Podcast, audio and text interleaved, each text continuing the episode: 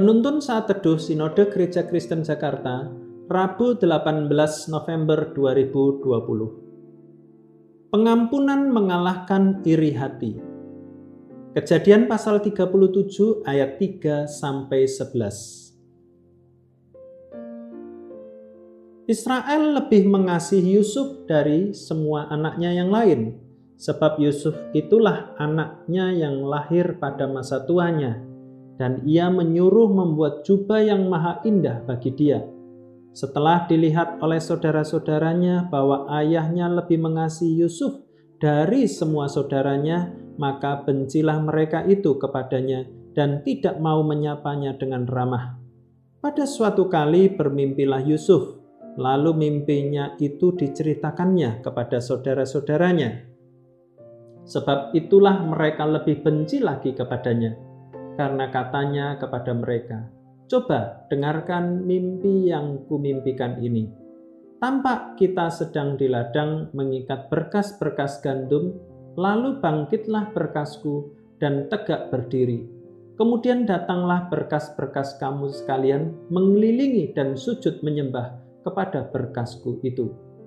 Lalu saudara-saudaranya berkata kepadanya, Apakah engkau ingin menjadi raja atas kami?' Apakah engkau ingin berkuasa atas kami? Jadi makin bencilah mereka kepadanya karena mimpinya dan karena perkataannya itu. Lalu ia memimpikan pula mimpi yang lain yang diceritakannya kepada saudara-saudaranya katanya. Aku bermimpi pula tampak matahari bulan dan sebelas bintang sujud menyembah kepadaku. Setelah hal itu diceritakannya kepada ayah dan saudara-saudaranya, maka ia ditegur oleh ayahnya.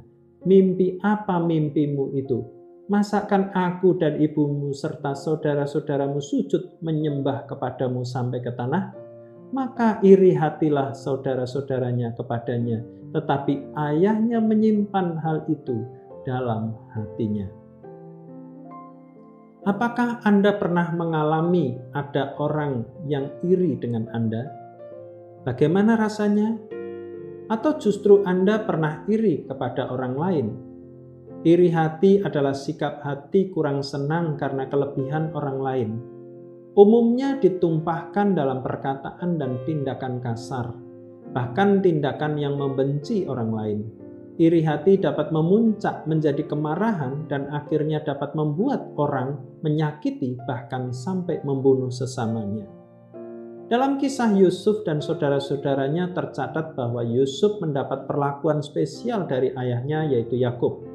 Ia mendapatkan jubah yang indah, bahkan mendapatkan mimpi yang spesial. Mimpinya adalah Yusuf akan menjadi pemimpin bagi orang tua dan saudara-saudaranya Hal ini membuat para saudaranya menjadi iri hati dan marah, sehingga berencana untuk membunuh Yusuf.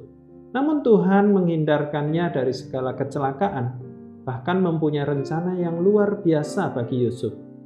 Melalui berbagai kejadian dialami oleh Yusuf dan ia terbukti setia kepada Tuhan.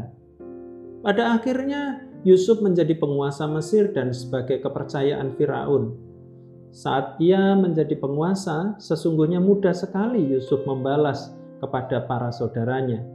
Tetapi kita tahu kisah selanjutnya. Yusuf mengampuni mereka, bahkan memberkati kehidupan keluarganya. Mengapa?